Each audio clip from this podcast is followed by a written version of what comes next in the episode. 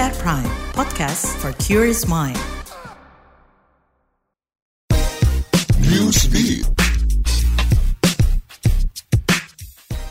Pemerintah Thailand tengah menggodok rancangan undang-undang yang melarang penggunaan ganja untuk keperluan rekreasional. Pembahasan soal pembentukan undang-undang tersebut telah mencuat satu bulan terakhir.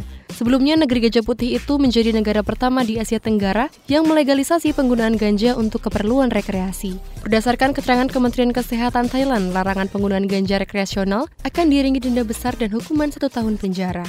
Pemerintah baru Thailand menganggap penggunaan ganja dan produk terkaitnya perlu dibatasi untuk keperluan medis dan kesehatan. Rancangan ini sejalan dengan janji Perdana Menteri Thailand terbaru, Shreta Thavisin, di mana pemerintahannya akan memperbaiki undang-undang terkait ganja dalam enam bulan ke depan.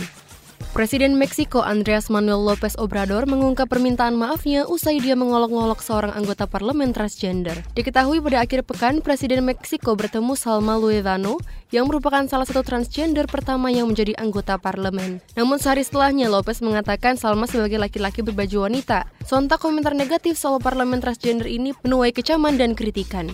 Usai permintaan maaf dikeluarkan, Salma Luevano pun turut berkomentar di media sosial X.